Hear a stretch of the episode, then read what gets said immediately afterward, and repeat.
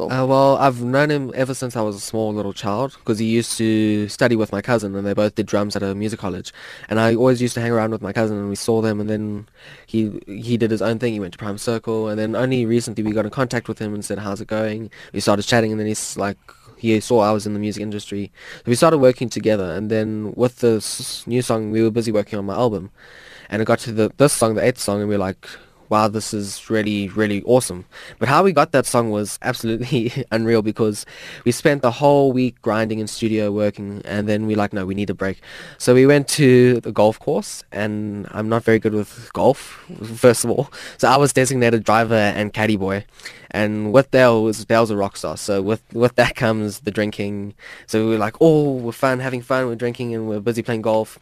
And then we get back there and we're like, wow, okay, this is awesome. We need to we need to get it to that next level. We need to find that because we had hooks in it, but we needed to find that main main hook. And that's how we got in touch with Stonebridge, and Stonebridge took it. And he's a Swedish DJ. He's been nom- Grammy nominated. Mm. He's worked with the likes of Madonna. And he took that song and he just, over December, he took it and he just made magic to it. Eh? It was awesome. Storm is 19 jaar oud, maar het op 'n baie vroeë ouderdom al besef musiek is wat hy vir die res van sy lewe wil doen. Hy is ook op 'n vroeë ouderdom uit die skool uit. Hy vertel meer. Well, look, it, it was in grade 9 where I decided, look, I wanted to do music and something that I wanted to pursue. And I told my parents, I'm not, I'm not going to be a lawyer. I'm not going to be a doctor. Look, I'm, I'm smart, but I'm not that smart. and I said, look, I want to do music. And they said, well, whatever your dream is, we'll support it and we'll back it. So we left Cares, King Edward VII School. And yeah, I went to music college and studied music there. And ever since then, it's been such an amazing ride. Sy jongste snit vaar baie goed op die internasionale mark. Hy het saam met die internasionale vervaardiger Stonebridge gewerk wat saam met onder andere mense soos Madonna en Missy Elliott werk. Storm verduidelik hoe sy werk saam met Stonebridge gebeur het. Well, I've previously worked with Stonebridge on one of my other tracks, uh, Rhythm and You, which he redid, which also went on to number, which went number one on some other platforms. And yeah, we just kept in touch and contact since then. And then this song came uh, uh, came to happen, and he was like, I sent it to him. He's like, this is awesome. He's got the hook for it already. Before even doing it, he knew what it was. And then we got the track back, and it was just a banger. Well, it's on the Music charts. It was uh, charting at number four on the North American charts. It's been it was in the top ten uh, most downloaded songs in Poland. It's also playing in Italy, Germany, France. It's very it's doing very well there in the European side. Well, I have a publicist that works in America, Barbara Sobel, who was who was managing KC and the Sunshine Band. So she's got all the connections to that side, and she's big friends with Stonebridge as well. So it just connects very well. They uh, so we started like Stonebridge. Stonebridge and her were connected together, and then Stonebridge brought me into the picture, and then we connected with her. It was that whole connection. It's just one big connection. Storms se nuutste snit vaar baie goed in die buiteland, maar wat beteken dit vir sy toerskedule? Well, yeah, a lot, especially from Italy and France. But yeah, right now I think it's time to get back to that album and start working on the album again.